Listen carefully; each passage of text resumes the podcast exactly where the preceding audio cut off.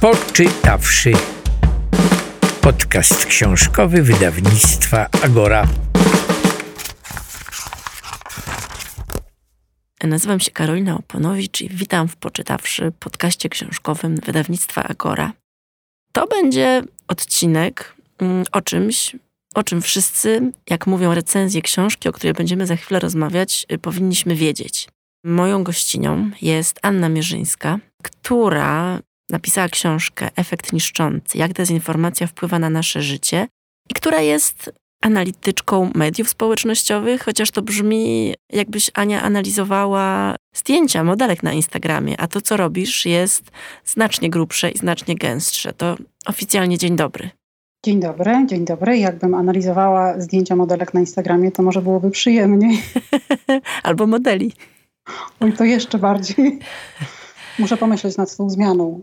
Ale niestety nie, nie analizuję zdjęć modeli, chociaż muszę przyznać, że y, są takie momenty, że analizuję zdjęcia także modelek, ponieważ kiedy sprawdzam, czy dane konto w mediach społecznościowych jest autentyczne, czy nie, to bardzo często muszę przeanalizować zdjęcie, które jest publikowane jako zdjęcie profilowe. No i w tych nieautentycznych kontach y, regularnie pojawia się taka sytuacja, że wykorzystywane są zdjęcia modelek właśnie.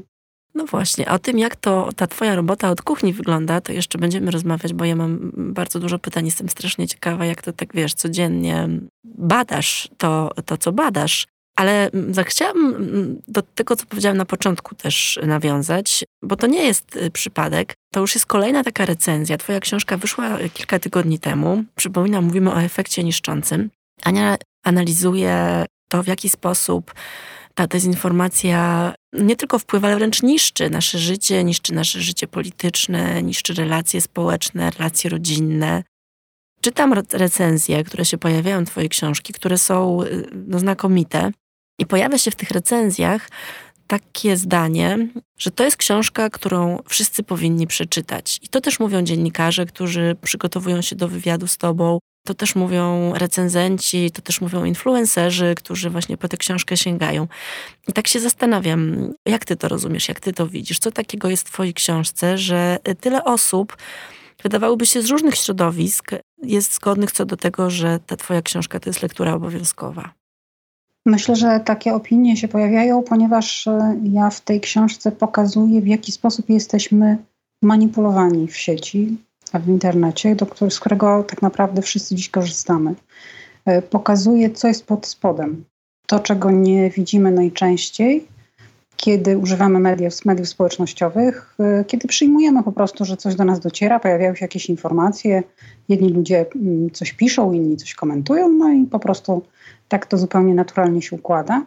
Tymczasem ja staram się pokazać, że często to nie jest takie naturalne, że często mamy do czynienia choć tego nie widzimy, z zaplanowanymi operacjami, które mają określony cel, a i najczęściej tym celem jest wpłynięcie na nasze zachowania, nasze decyzje, często bardzo daleko idące wpłynięcie na nasze zachowania i decyzje. Y, I myślę, że po prostu nikt nie lubi być manipulowanym. Nikt nie lubi mieć taką, taką świadomość, że coś się dzieje poza nim, ktoś wpływa na jego życie, a on o tym nic nie wie. No tak, nikt nie lubi, chociaż wygodniej byłoby tego nie wiedzieć. Z jednej strony wygodniej, bo to jest do pewnego momentu, nie trzeba się tym przejmować, przejmować, ale z drugiej strony ponosimy tego konsekwencje osobiste, bardzo często osobiste. No właśnie, bo mogłoby się wydawać, że ktoś, kto sobie żyje takim tutaj cudzysłów małym życiem, Klika sobie czasem jakieś tam rzeczy. Mam Facebooka, coś lajkuję, czegoś nie lajkuję, ma swoje zainteresowania, może nawet ma konto na Instagramie albo na Twitterze, coś czyta. Nawet, nawet jeżeli nie jest jakimś superaktywnym użytkownikiem czy użytkowniczką, tylko po prostu no, w taki pasywny sposób korzysta z internetu, to wydawałoby się, że ten problem go nie dotyczy. No bo dlaczego miałoby kogoś takiego dotyczyć to, że Rosja sobie prowadzi wojnę informacyjną, albo że jakaś tam grupa postanawia wywrzeć wpływ na inną grupę poprzez internet. Tak, to, to jest łatwe do takiego stwierdzenia, mnie to nie dotyczy. Tymczasem e, okazuje się, że choćby przywołana Rosja, kiedy prowadzi wojnę informacyjną w internecie, to ta wojna jest prowadzona w ten sposób, żeby oddziaływać na zwykłych ludzi i wpływać na decyzje zwykłych ludzi.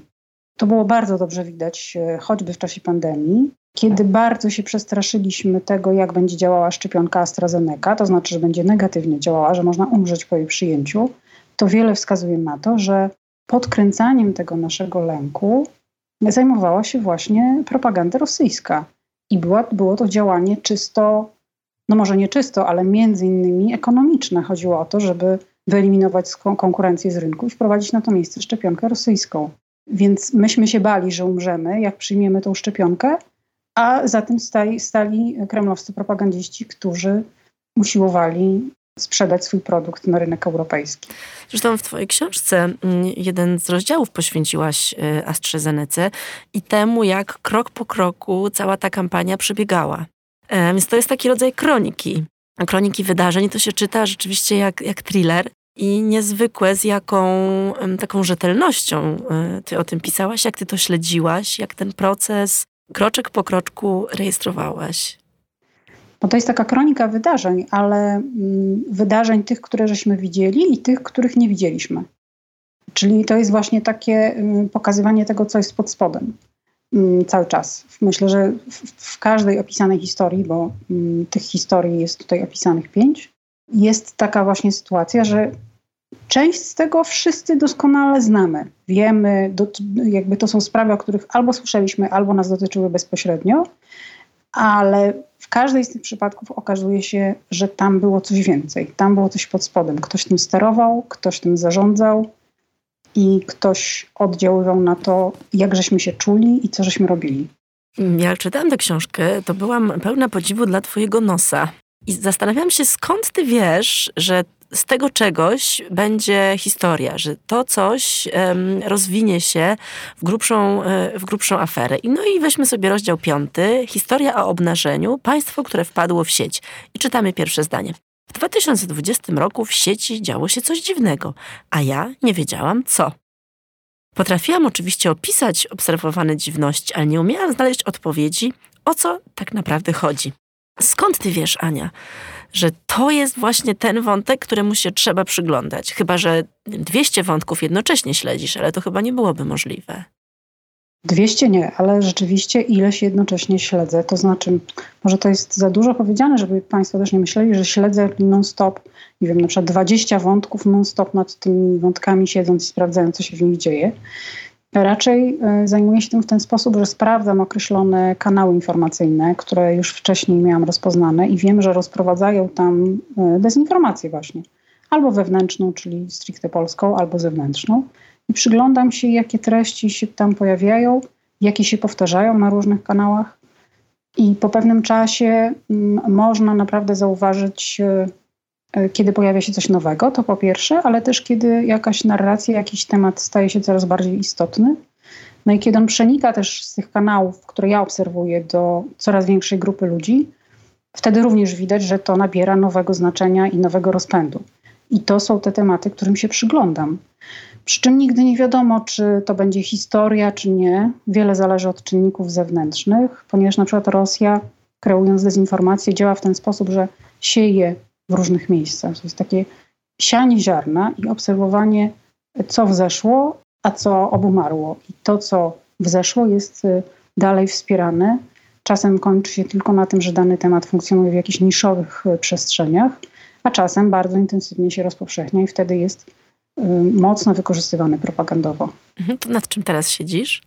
Teraz y, obserwuję oczywiście te, mm, te tematy, które są aktualne z powodu y, wojny w Ukrainie, bo to jest y, temat najważniejszy. Tym się zajmuje dzisiaj głównie rosyjska propaganda, bardzo intensywnie, na ogromną skalę.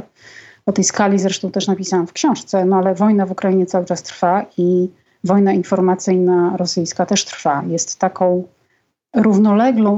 równolegle prowadzoną wojną do wojny konwencjonalnej, czyli tych klasycznych militarnych działań, z którymi mamy niestety do czynienia w Ukrainie.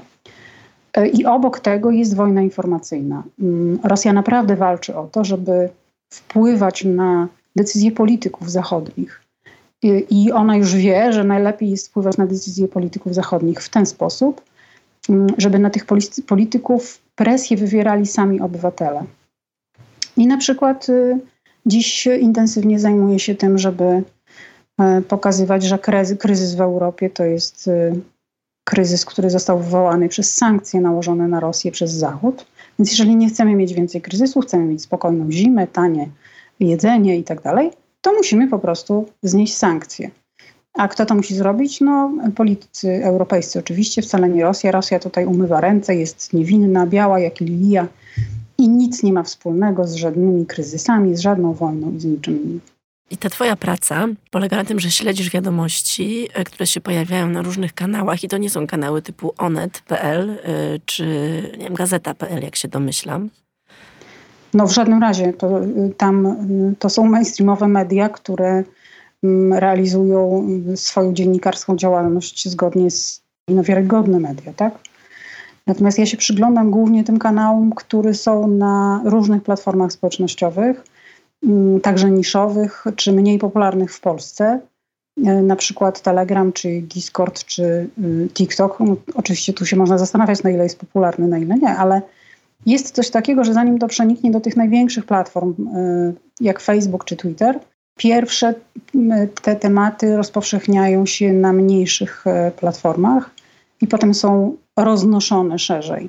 To zresztą ciekawe, ponieważ te, mm, ostatnio te przejścia z jednej platformy na drugą konkretnych treści bardzo często odbywały się niewiarygodnie szybko, dosłownie w ciągu kilku godzin jakiś fake news jest rozpowszechniany, powiedzmy najpierw na Telegramie, tam jest naprawdę ogromna rosyjska dezinformacja.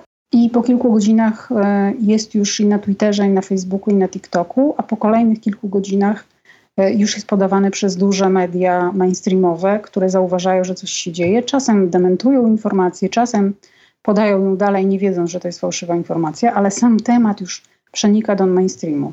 Tempo rozpowszechniania się też pokazuje, że to jest proces, który bardzo trudno zatrzymać. I proces, który bardzo intensywnie też e, oddziałuje na odbiorców, bo treści dezinformacyjne są często treściami emocjonalnie mm, bardzo silnie działającymi.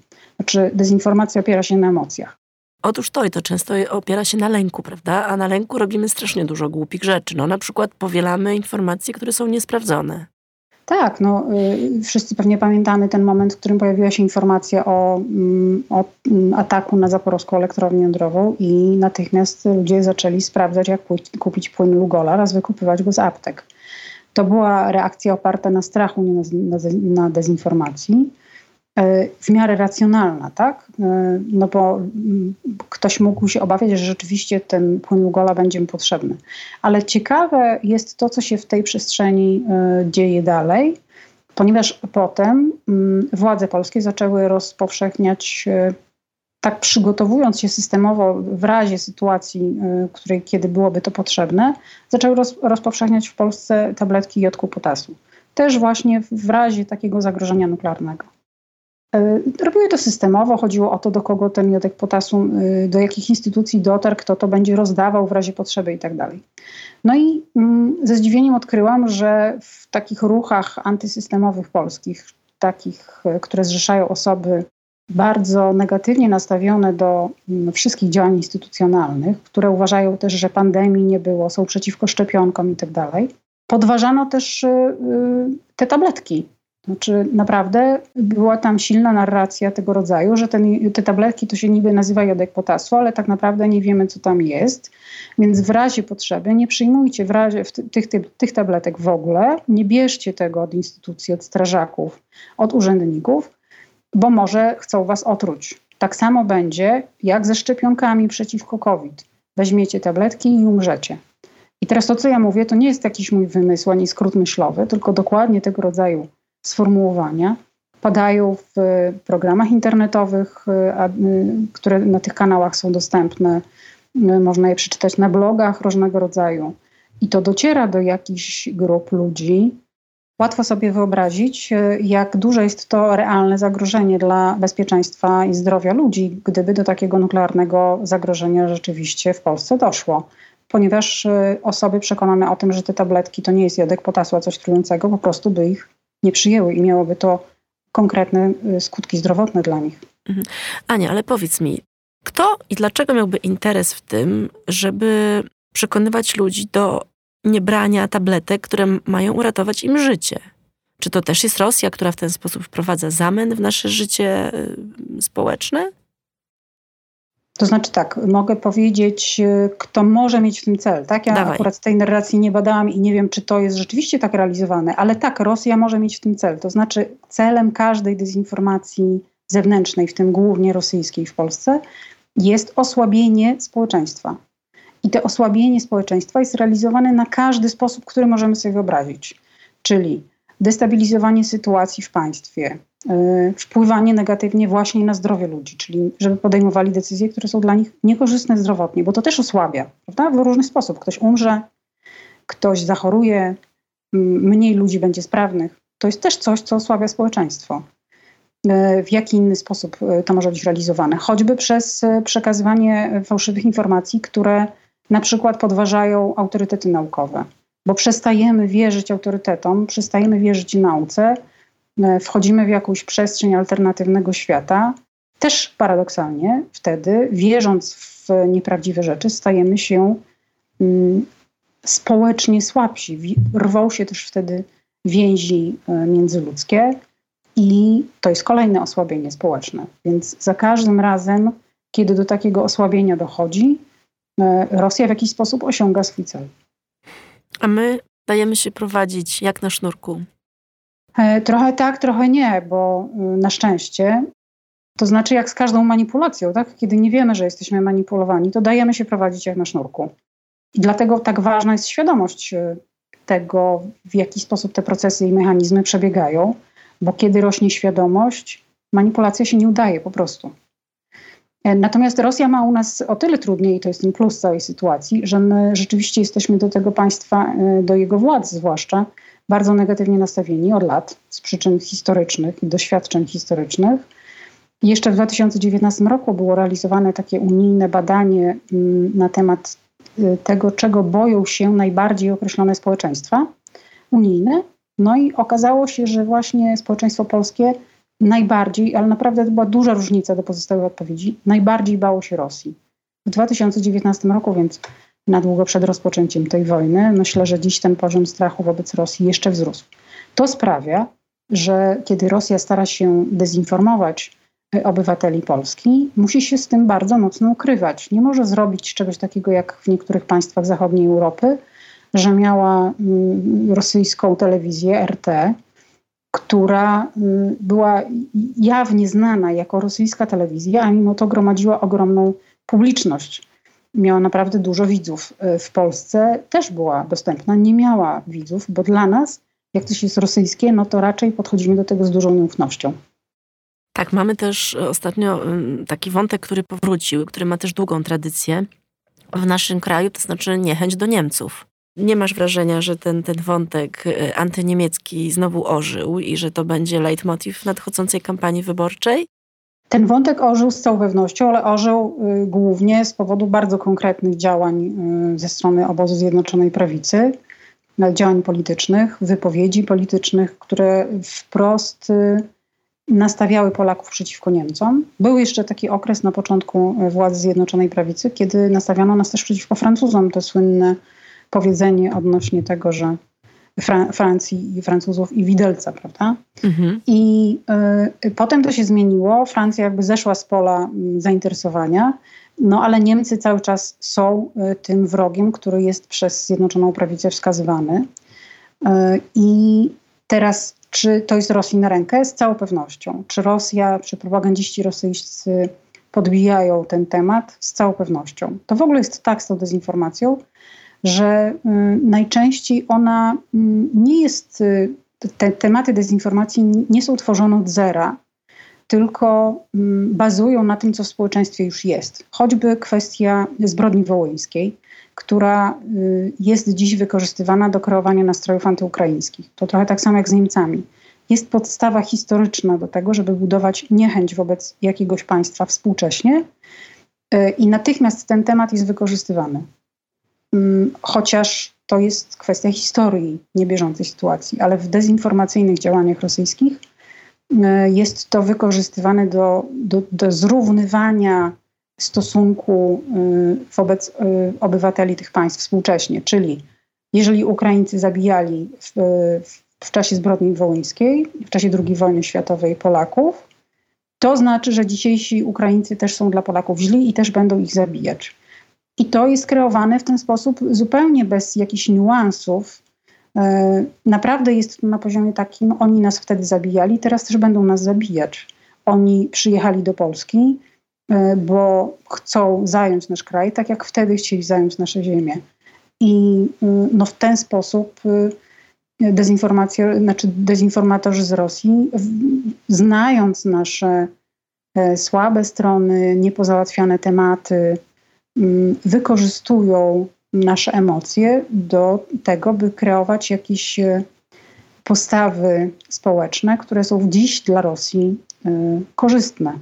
I z Twoich słów płynie dla mnie takie ostrzeżenie: nie dajmy się nabrać, nie dajmy się wkręcić w hasła pod tytułem e, Poszedłem do przychodni, a Ukrainki były przyjmowane pierwsze, czekałem 7 godzin, albo Ukrainki kradną Polkom mężów, albo ukraińskie dzieci mają pierwszeństwo przyjęcia do szkoły.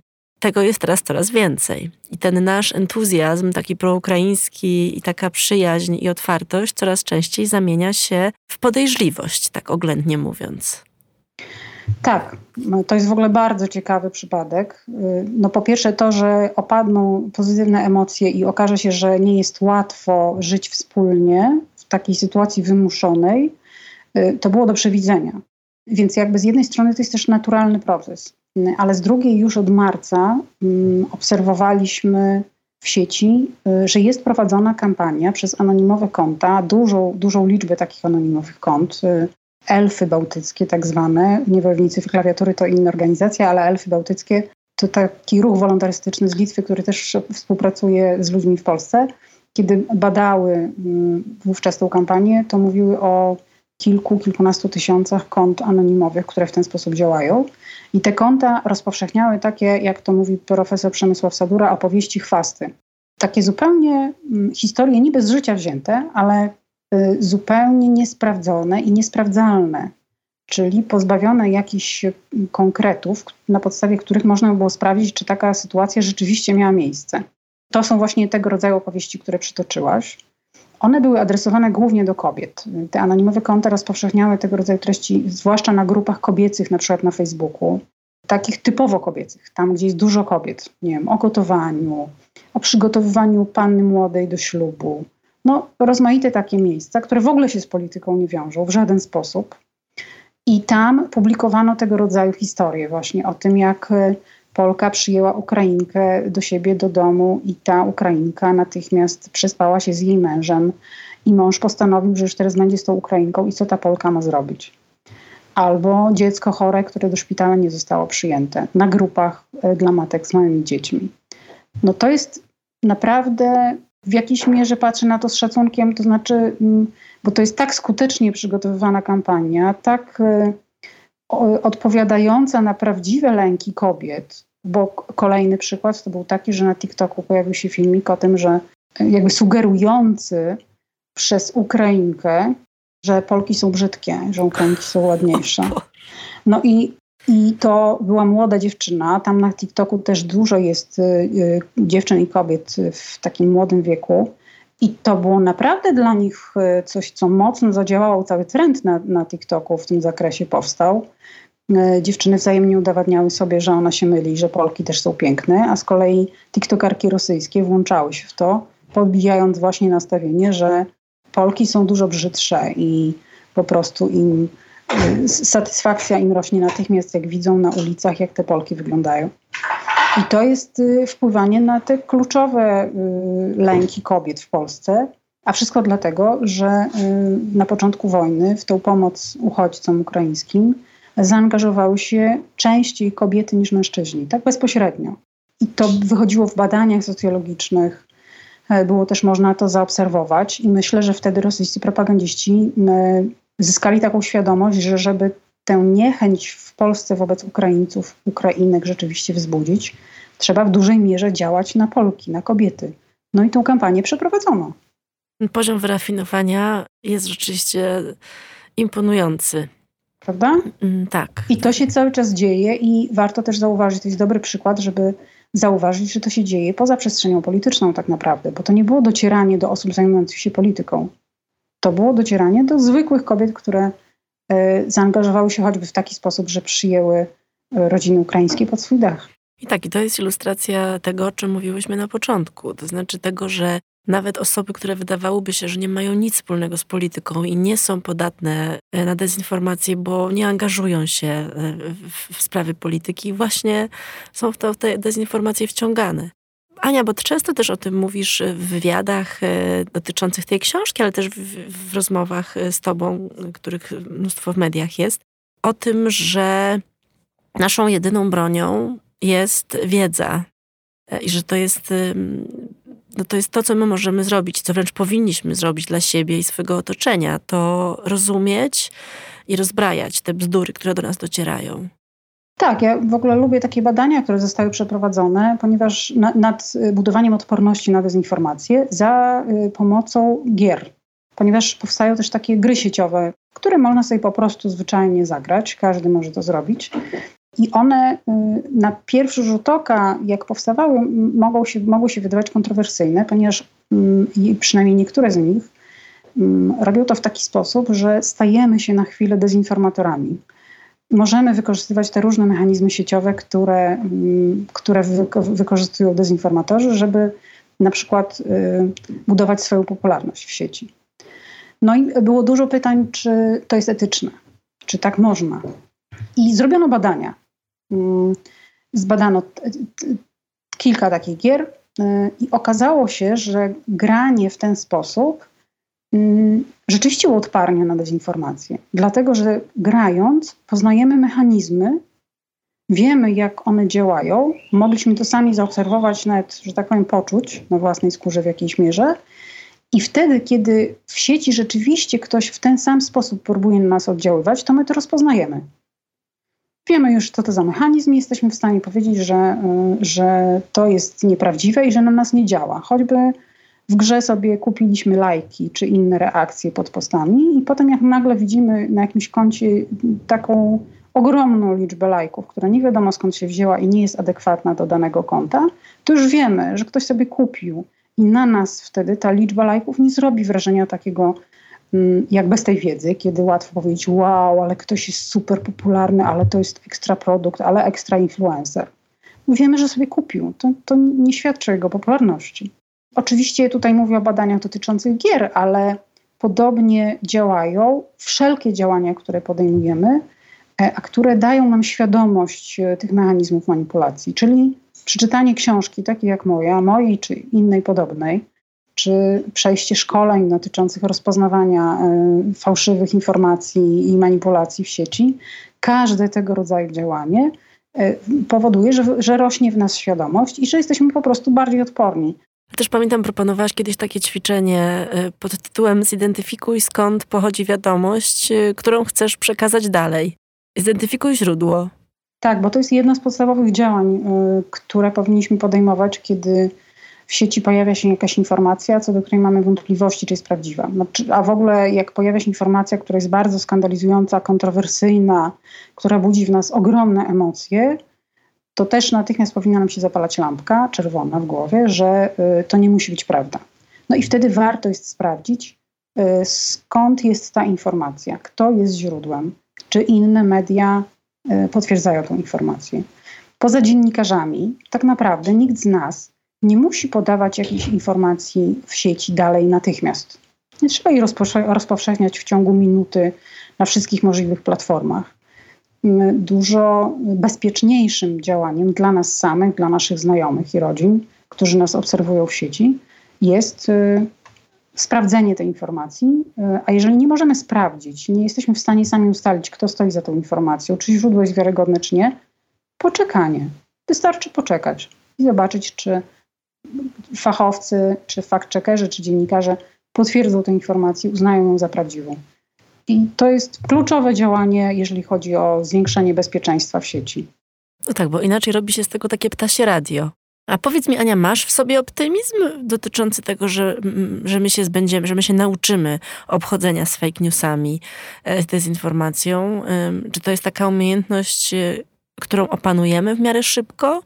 Bo wydawałoby się, że no, tych technik jest, jest kilka, ale przecież ich jest coraz więcej. To w Twojej książce co i róż pojawiają się jakieś nowe terminy, nowe definicje, a jeszcze w taki sposób, a jeszcze w taki sposób dochodzi do dezinformacji.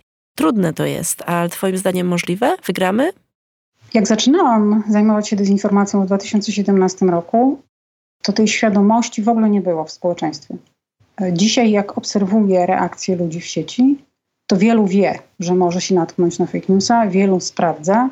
No i pod tym względem jestem optymistką, bo uważam, że ta zmiana świadomości następuje. To nie znaczy, że my będziemy całkiem odporni na dezinformację. Myślę, że to się nigdy nie stanie, nie ma światów idealnych, ale sam fakt, że świadomość rośnie, jest już naprawdę bardzo dobrym wskaźnikiem. Gdyby to jeszcze to nabywanie wiedzy w tym zakresie wprowadzić systemowo, czyli żeby to, tak, tego rodzaju edukacja zaczynała się już na poziomie szkół czy, szkół, czy nawet przedszkoli, oczywiście w bardzo uproszczonej formie.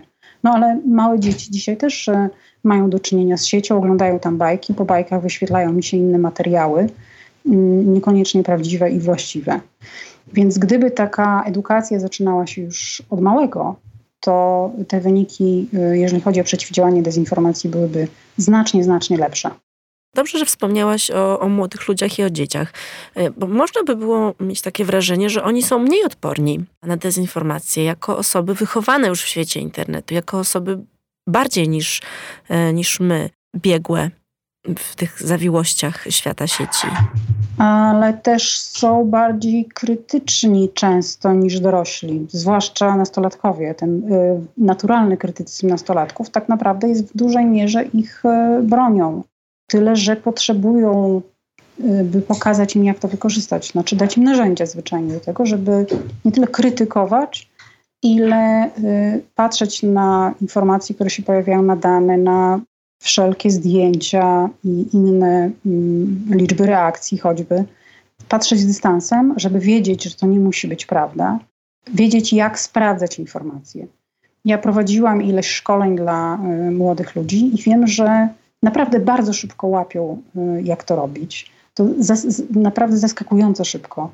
Wystarczy kilka godzin, żeby y, byli w tym biegli po prostu i sami zaczynali sprawdzać, czy coś jest prawdziwe, czy fałszywe. Więc y, wydaje mi się, że wykorzystanie tych umiejętności młodych ludzi poprzez danie im narzędzi, pokazanie, jak to robić, jest no, prostą drogą do tego, żebyśmy przestali tej dezinformacji ulegać, przynajmniej w takim stopniu.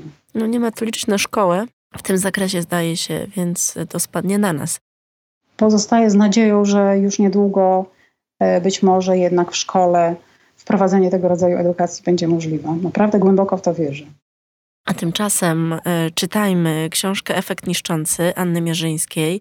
Rozmawiajmy o tej książce. Tam jest e, mnóstwo tematów, które wyobrażam sobie, że będą się idealnie nadawały do takich ożywionych rozmów przy świątecznym stole. I to wcale nie, nie na zasadzie prowokacji, tylko na zasadzie czegoś ważnego, czym warto się dzielić i nad czym warto się zastanawiać, o czym warto też opowiadać innym i dlatego bardzo, bardzo Państwa zachęcam do tego, żeby Państwo e, po tę książkę sięgnęli. E, jak już wspominałam, ją się czyta jak thriller. Ja mam ją podkreśloną, mam tutaj różne wykrzykniki, jakieś złote myśli powypisywane. Wzięłam sobie w kółeczka mnóstwo słów, bo chociaż wydawało mi się, że ja ze słowami mam sporo do czynienia, to tutaj dowiedziałam się, że jest też mnóstwo nowych terminów e, w, w, w tym obszarze dezinformacji w ogóle w, w, obszarze sieci. Także to jest książka, która będzie na pewno dobrze leżała na każdej półce. A jeśli ktoś ma ochotę na wersję e-bookową, ona też jest dostępna i jest też dostępna wersja audiobookowa. I za chwilę do niej zaprosimy. Taką mamy tradycję w Poczytawszy. Proponujemy Państwu, naszym słuchaczom, e, fragment książki, o której rozmawiamy. Ania, ty masz jakiś ulubiony fragment albo ulubiony rozdział z tych pięciu swojej książki? Nie, ja muszę przyznać, że ulubiony w, przy, w tym audiobooku jest głos lektora Bartosza Głogowskiego, który po prostu sprawia, że mogę słuchać swoją książkę, e, nie za bardzo już zwracając uwagę na to, co jest tam napisane, po prostu słuchać tego, jak brzmi.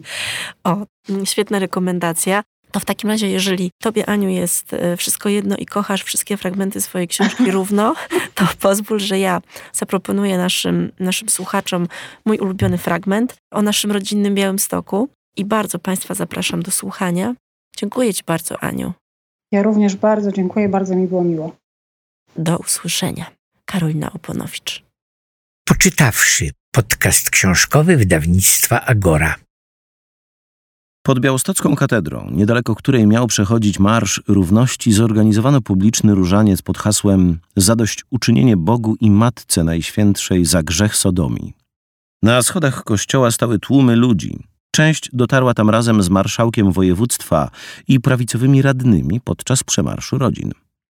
U stóp katedry kibice ustawili blokadę, tłocząc się w gęstych rzędach za kilkunastometrowym transparentem z napisem Rodzina równa się chłopak plus dziewczyna. Weszłam na katedralne schody, by z góry obserwować rozwój wydarzeń. Stanęłam między osobami odmawiającymi różaniec. Czuć było napięcie. Modlący się wypatrywali pedałów. To słowo używane było w tym gronie powszechnie, prawie jak naturalne określenie. Gdzie ci zboczeńcy? Dopytywała mnie starsza kobieta o kulach, która na chwilę przerwała odmawianie modlitwy. Kiedy wreszcie maszerujący pojawili się w sporej odległości od schodów katedry, policja utrzymywała dystans między marszem a kontrmanifestacją. W tłumie dało się wyczuć zawód. Uczestnicy parady wyglądali normalnie. Oczekiwanie na nienormalność nie wzięło się znikąd było skutkiem nienawistnej narracji prezentowanej od marca 2019 roku w mediach tradycyjnych i internetowych, na platformach społecznościowych, a także w kościołach. Jeśli więc ktoś zastanawia się, czy tego rodzaju akcja, operująca w przestrzeni informacyjnej, oparta wyłącznie na budzeniu emocji, oderwana od konkretów i faktów, pełna manipulacji, ma wpływ na zachowania ludzi, Marsz Równości w Białymstoku w 2019 roku był tego mocnym dowodem. Tym mocniejszym, że Marsz Równości w tym samym mieście zorganizowany dwa lata później, w 2021 roku, gdy kampania nienawiści przeciwko LGBT nie była już tematem numer jeden, przebiegł zupełnie spokojnie. Z tego powodu praktycznie nie zaistniał w ogólnopolskich mediach. Tęczową zarazę, której oczekiwał tłum zgromadzony pod białostocką katedrą, opisał w tygodniku sieci profesor Aleksander Nalaskowski z Uniwersytetu Mikołaja Kopernika w Toruniu. Swój felieton, Wędrowni gwałciciele z 24 sierpnia 2019 roku oparł na tradycyjnym podziale my i oni, gdzie my to w jego wizji Polacy normalni, a oni nienormalni. Pisał: Wypełzają na główne ulice polskich miast, Odurzeni złą ideologią, zwykli nieszczęśnicy, których dopadła tęczowa zaraza. Podrygują tanecznie, niosąc tęczowe orły, tęczową Matkę Boską i tęczą upstrzone cytaty z Ewangelii. My w tym czasie jesteśmy zepchnięci na chodniki i trawniki. Ich policja pilnuje, a nas filmuje. Według Nalaskowskiego w dzisiejszej Polsce to oni mają prawa i przywileje, których pozbawiona jest grupa my. Za przywileje felietonista uznał leżenie kościoła katolickiego, czy oczekiwanie ochrony policji w czasie parad równości, ale też zajmowanie miejsca w centrach miast, na ulicach. Pisał, grzesznicy, którzy nie wiedzą komu służą, oszukani, zmanipulowani uwierzyli, że gwałt to znakomita i uprawniona rozrywka. Już dawno zgwałcili Warszawę, Poznań, Wrocław i Gdańsk. Niedawno brutalnie zdeflorowali Białystok. Obca kulturowo i historycznie tęczowa zaraza, objazdowa tyrania chronionych przez policję gwałcicieli okupujących nasze ulice. Za ten felieton Nalaskowski został zawieszony na uniwersytecie na trzy miesiące, a rzecznik dyscyplinarny uczelni wszczął postępowanie. Jednak w internecie i w części mediów prawica ustawiła Nalaskowskiego w roli jedynego sprawiedliwego, niemal męczennika za sprawę. Rozpoczęły się akcje w jego obronie, a on sam zyskał na popularności. W styczniu 2020 roku rzecznik dyscyplinarny Uniwersytetu Mikołaja Kopernika umorzył sprawę. Profesor znowu naucza pedagogiki. Poczytawszy podcast książkowy wydawnictwa Agora.